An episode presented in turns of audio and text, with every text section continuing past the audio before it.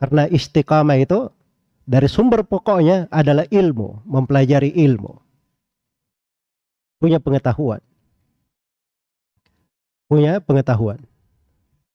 Makanya para sahabat Nabi Shallallahu Alaihi Wasallam itu dari pokok istiqamah mereka, mereka selalu terkait dengan ilmu. Apakah dalam bentuk mempelajarinya, mengajarkannya, mudakara di dalamnya, mendakwakannya, mendukung orang-orang yang mempelajarinya, membuat kegiatan-kegiatan di tengah umat sehingga orang-orang belajar dan menuntut ilmu. Seputar itu. Sebab itu adalah simbol kebaikan dan ciri kekuatan sebuah umat. Sebuah umat.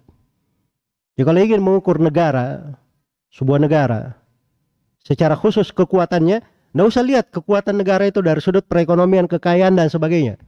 Lihat dulu pada warga negaranya. Kalau warga negaranya itu cinta kepada ilmu, ah, itu berarti kuat negara itu. Tapi kalau warga negaranya jauh dari ilmu, berarti itu pasti kelemahan dalam negara itu. Walaupun dia punya berbagai kehebatan di sudut pertahanan fisik. Tapi kalau pertahanan akidahnya tidak baik, itu adalah tanda kelemahannya. Tanda kelemahannya. Jelas ya? Ya sebenarnya kalau bicara masalah membangun negara, tidak ada lebih lebih bagus jalannya melebihi orang-orang yang berdakwah di atas jalan as-salaf. Sebab mereka memperbaiki negara itu dari akarnya. Itulah kegiatan mereka mengajari manusia ilmu mendidik manusia di atas ilmu agama. Sebab itu kekuatan sebuah negara.